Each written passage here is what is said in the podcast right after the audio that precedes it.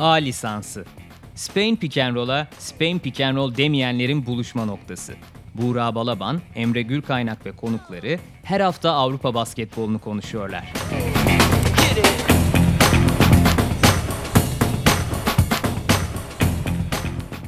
Merhabalar, Sokrates'in Euroleague Podcast'i A lisansının yeni bölümüne hoş geldiniz.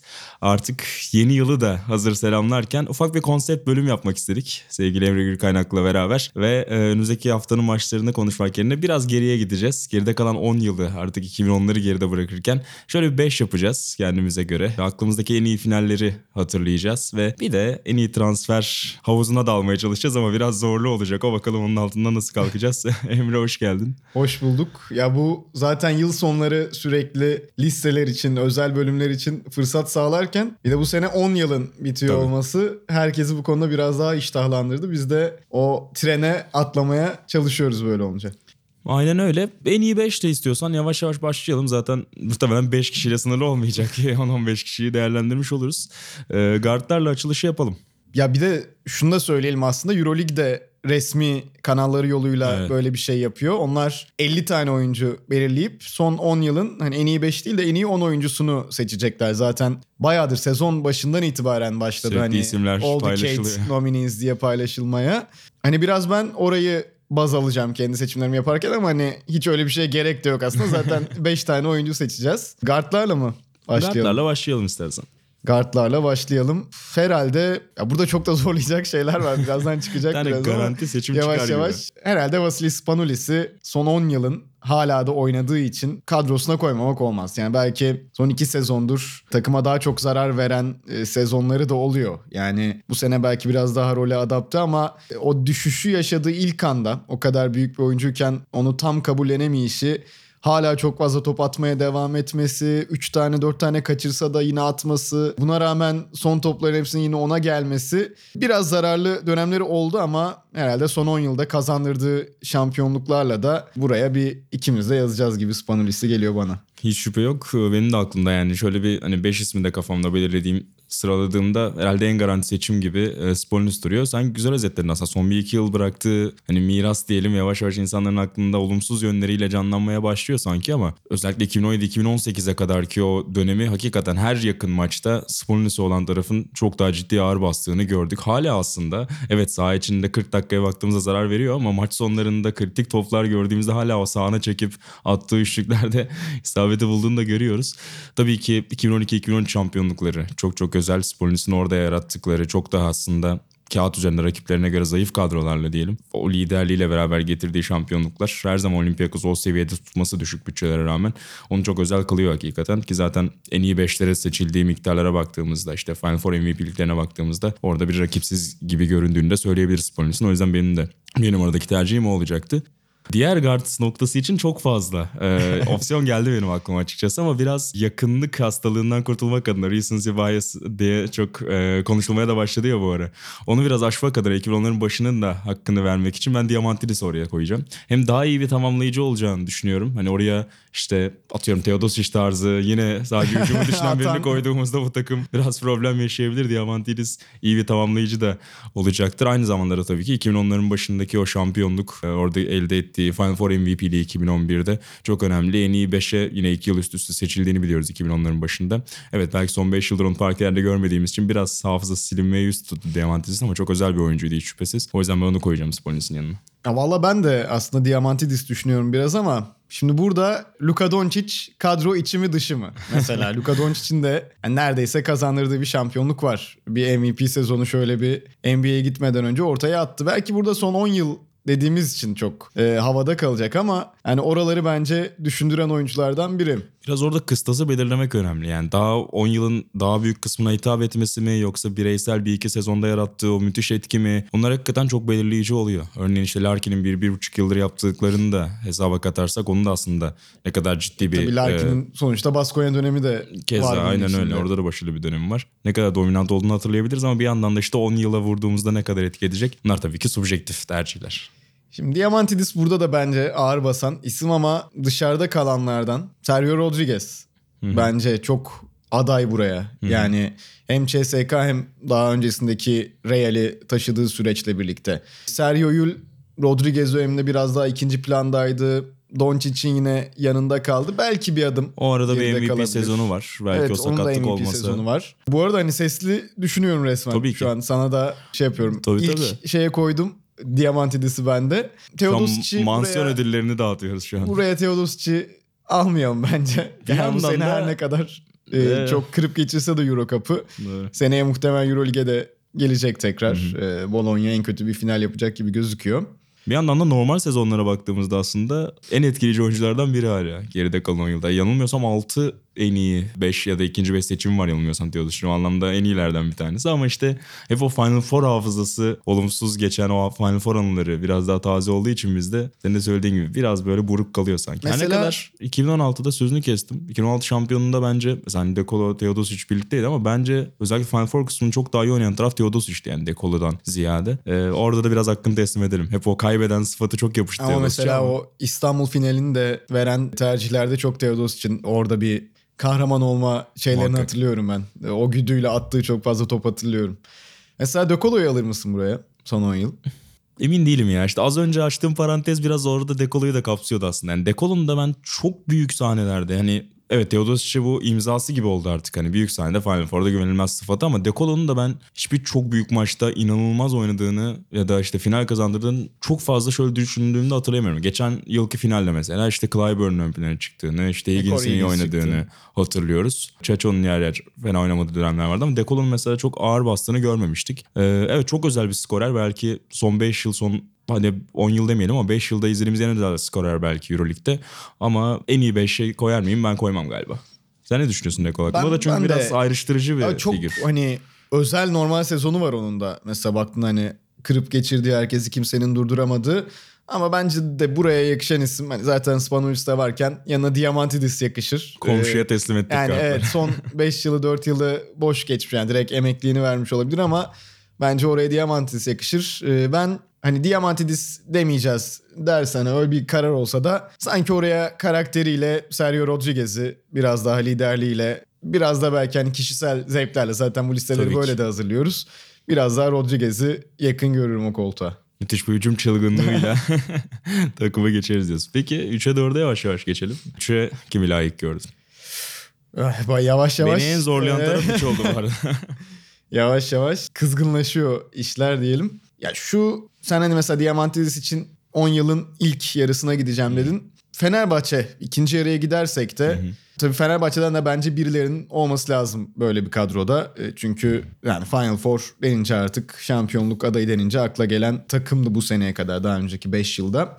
Sanki Gigi Datome'yi oraya koyabiliriz gibi geliyor bana. Bir tamamlayıcı figür olarak. e, Tabii çok fazla aday var ama bir figür olabilir gibi geliyor bana.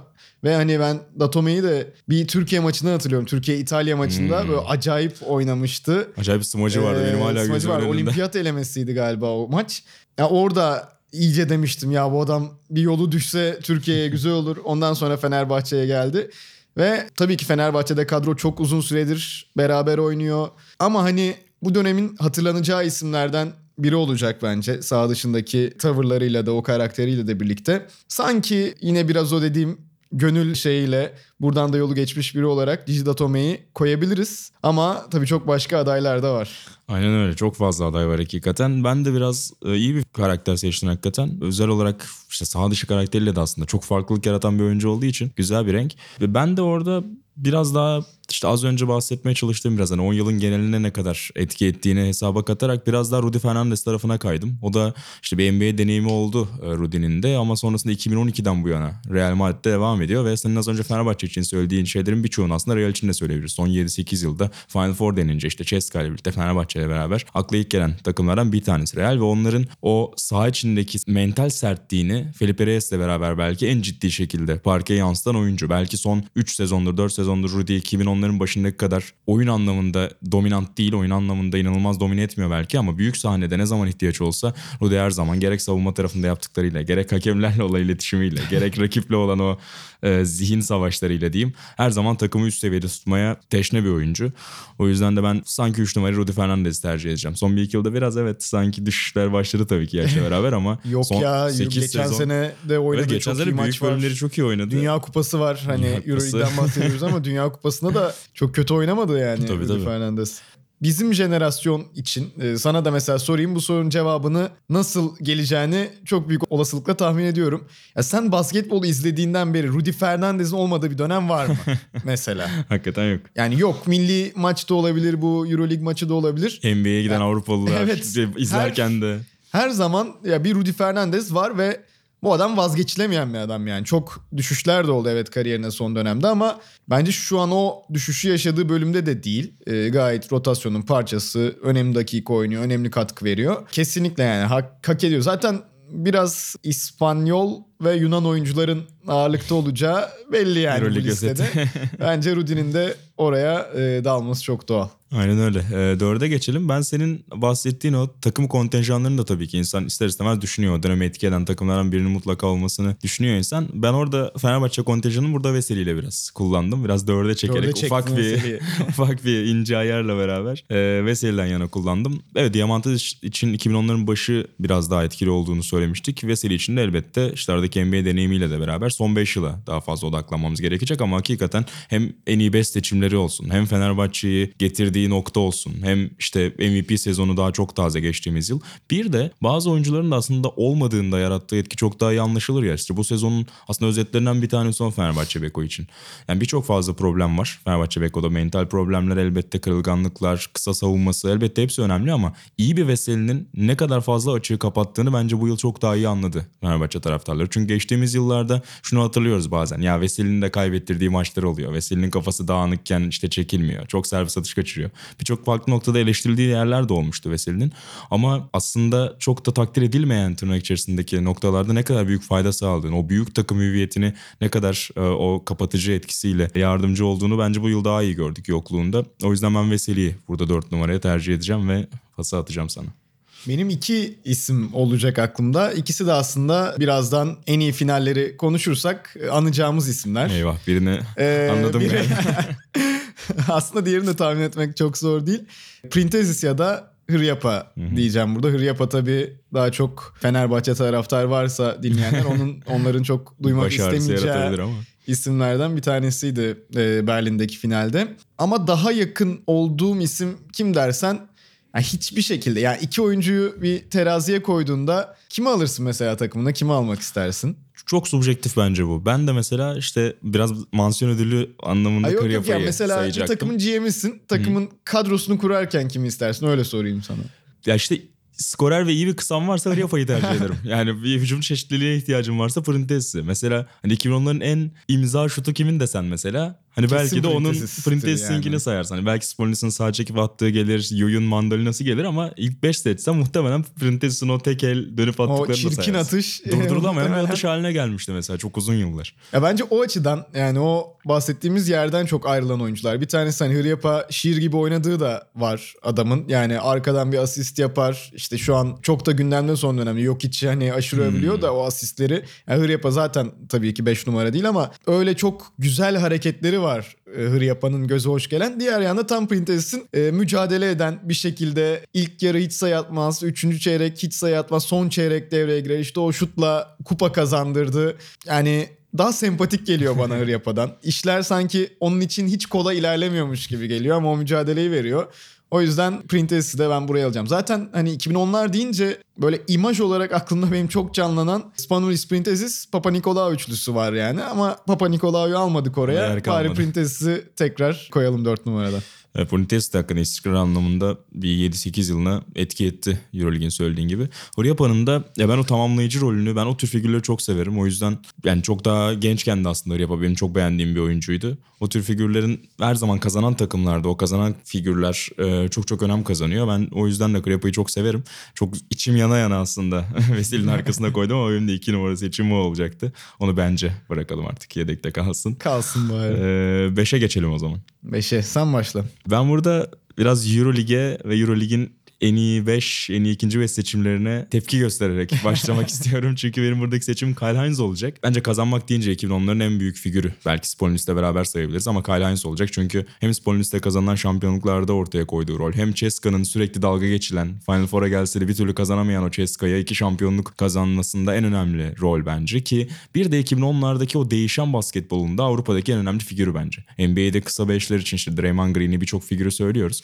Kyle Hines da Avrupa'da o kısa beşlerin nasıl bir etki yaratabileceğini, o adam değişme savunmasında ne kadar etken olabileceğini işte 2 metrenin altındaki boyuyla kanıtlayan oyuncu. Değiştiren belki de basketbolun birçok noktasını bir oyuncu. Ama buna rağmen biraz araştırırken en iyi 5'lere baktım. 2010'larda hiçbir sene en iyi 5 ya da en iyi ikinci 5 seçilmemiş Hines. Şu an baya baya reklam yüzü gibi da kullanıyorlar da yani. Utanç vesikası bence Euroleague için hakikaten. Bir yandan senin söylediğin tarafı da çok önemli. Çok da özel bir karakter. İnsani olarak her oyuncunun belki de Euroleague'de temas eden ona her oyuncunun çok saygıyla bahsettiği, çok iyi şeyler söylediği onun hakkında bir oyuncu. Hem o anlamda hem saha içinde yaptıklarıyla ben Kyle Hines'ı tartışmasız bir şekilde 5 numarama koydum. Burada aslında bir Dunstan bekledim senden. Çok yakın zamanda geçirdiğin için Euroleague maçlarında.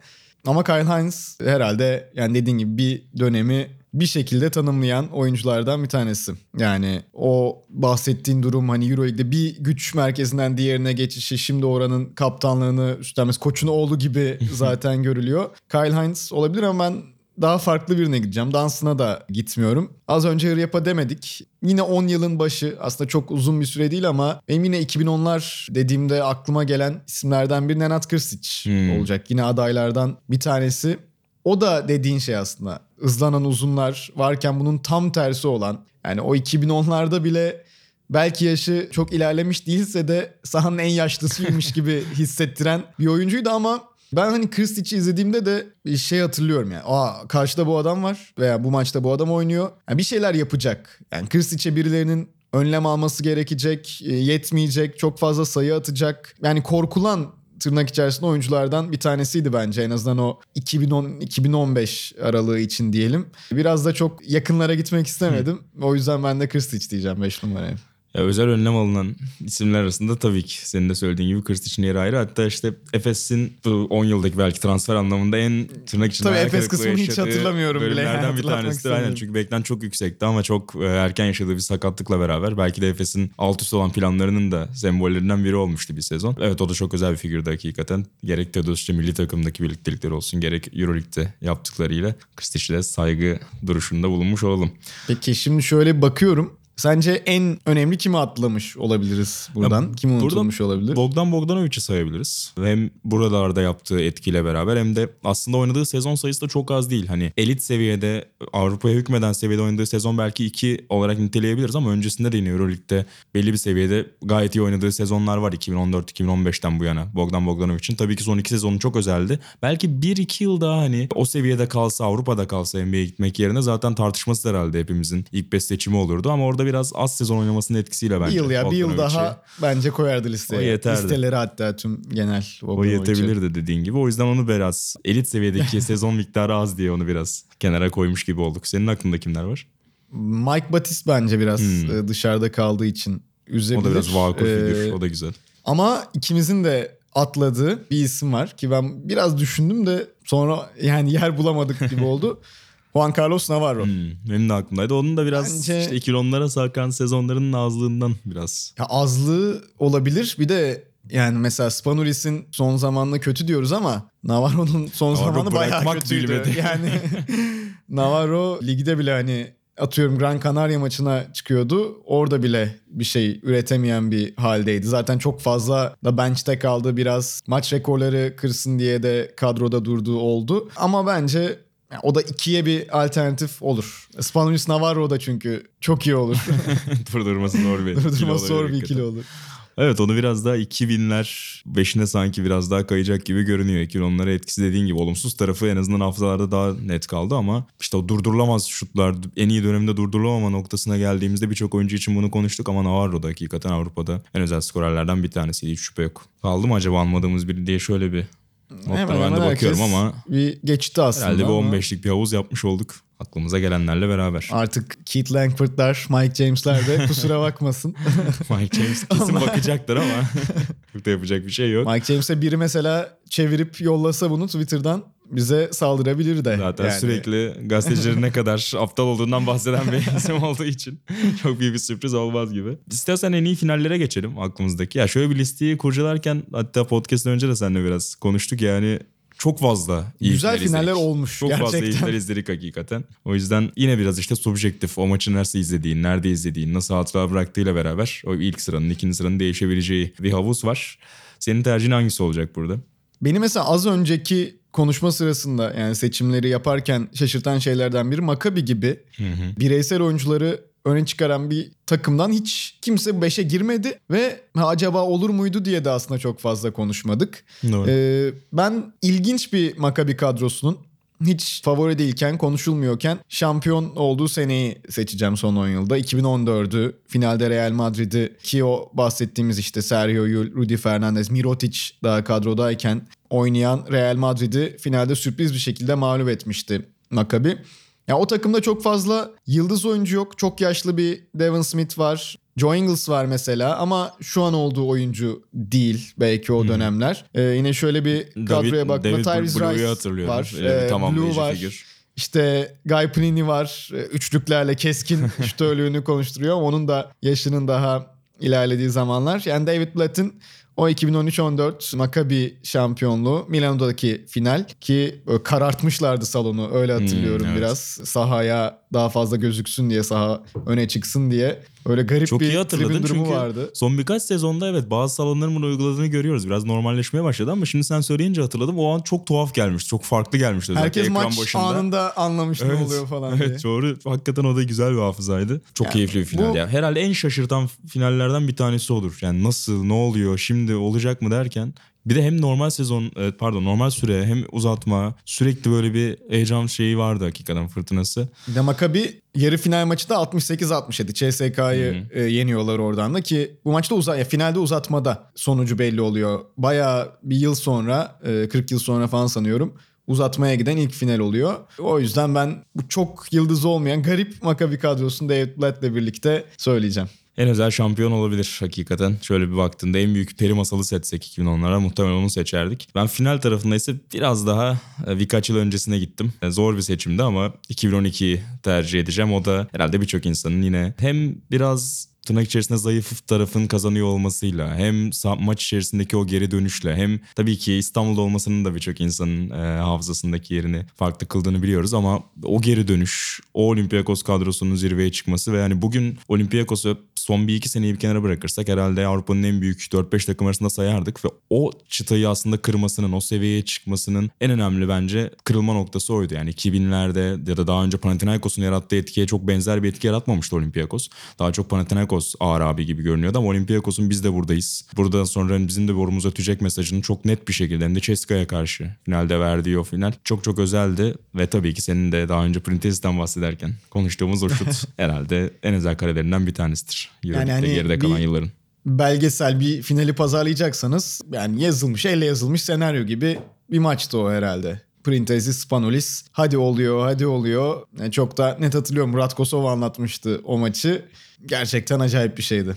Yani Hollywood'da bir filmde biz bu sahneyi izlesek herhalde ya çok da cheesy olmuş ya. Ve çok belli Tam- zaten. tam öyle bir Kesin tamam bunlar kazanacak deyip son yarım saati biraz sıkılarak izleyeceğiniz aslında film olur ama canlısını izlediğinizde işte sporun neden bu kadar özel bir e, anlam taşıdığını birçok insan için yeniden hatırlıyorsanız o finalde bize bunu bir kez daha anımsatmıştı. Bu alternatif olarak da buraya tabii yine çok iyi final var diyoruz. Belki Fenerbahçe açısından tatsız ama o rebound dramatikliği açısından Evet. Berlin e, finali de yani belgeseli çekilebilecek finallerden bir tanesi. Kesinlikle öyle. O da nefes kesti ve evet yani hani orada Fenerbahçe kazansa mesela belki de birçok insanın tercihi o final olacaktı. Çünkü yine bir geri dönüş hikayesi olacaktı. Yine çok özel bir son olacaktı. Ceska çok zorlansa da orada kazanmayı başardı. Ee, ve hakikaten o da en etkileyici finallerden biriydi. Doğru söylüyorsun. Bir alternatifte ben yine net hatırladığım finallerden biri, Final Four'lardan biri olduğu için Paris'te Barcelona'nın son finali Hmm. ve aynı zamanda son şampiyonluğu Olympiakos'la oynadıkları o dev Josh Childress transferi. Olympiakos'un daha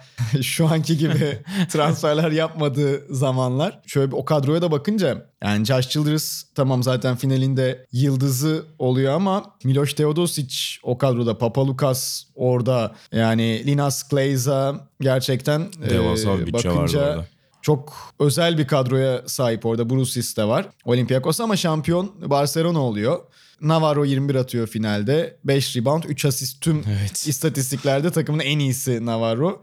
Ama senin de dediğin gibi hani ilk 5'e neden almadık? Çünkü 2010 bu.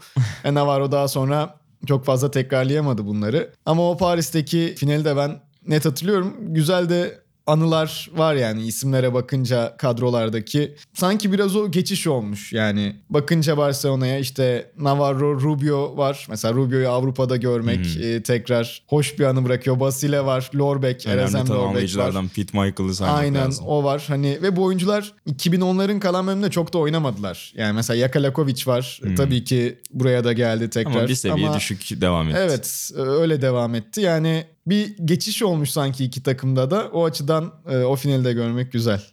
Hakikaten öyle. Ya Olympiakos'un da o bütçesini hatırladıktan sonra biraz hani iyi hissettiren hikaye olarak da herhalde 2010'larda Olympiakos'u seçebiliriz. Yani müthiş bir bütçeyle kazanamadıktan sonra çok daha mütevazı bir şekilde üst üste 2 yıl kazanmaları 2012-2013'te. Hani iyi hissettiren hikayelerinden biri Yani herhalde. şöyle bir şey şöyle düşün. Belki bu sene hani olur olmaz Clippers şampiyon olursa kadrolunda Patrick Beverly var. Olympiakos kadrosunda Patrick Beverly var ve sadece bir asist yapmış o maçta.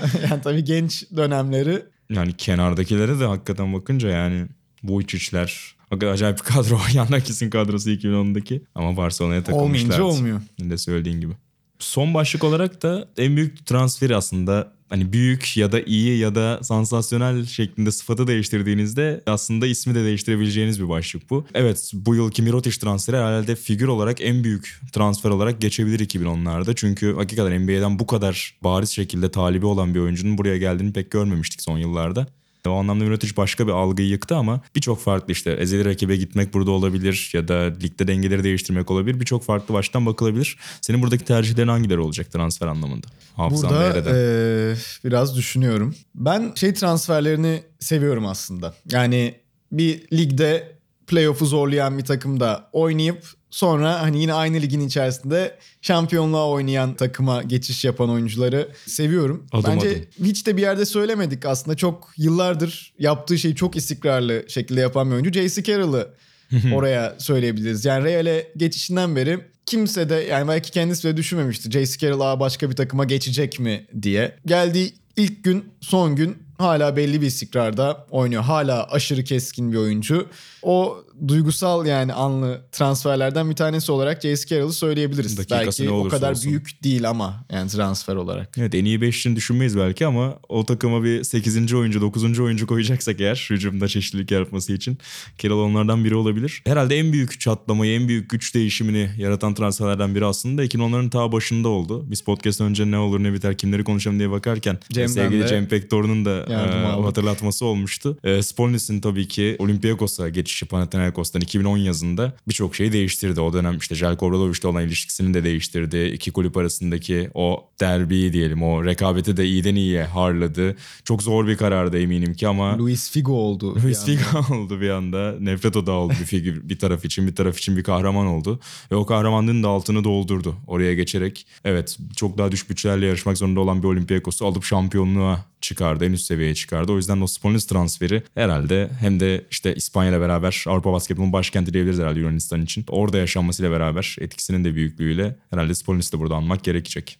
Spanulis'i kesinlikle anabiliriz. Şöyle bir düşünüyorum. Ee, Az önce aslında sen biraz bahsettin. Kyle Hines iyi bir transfer. O açıdan e, denge değiştiren. Yine hani 10 yıldan konuşuyorsak Slukas'ın belki Olympiakos'tan geçişiyle birlikte oradan sonra Fenerbahçe'nin sembollerinden biri olması. Dunston'ın aynı şekilde yılın savunmacısı ödüllerini topladıktan sonra aynı şeyleri Efes'te tekrarlıyor olması bence belirleyici transferlerden yani birkaçı.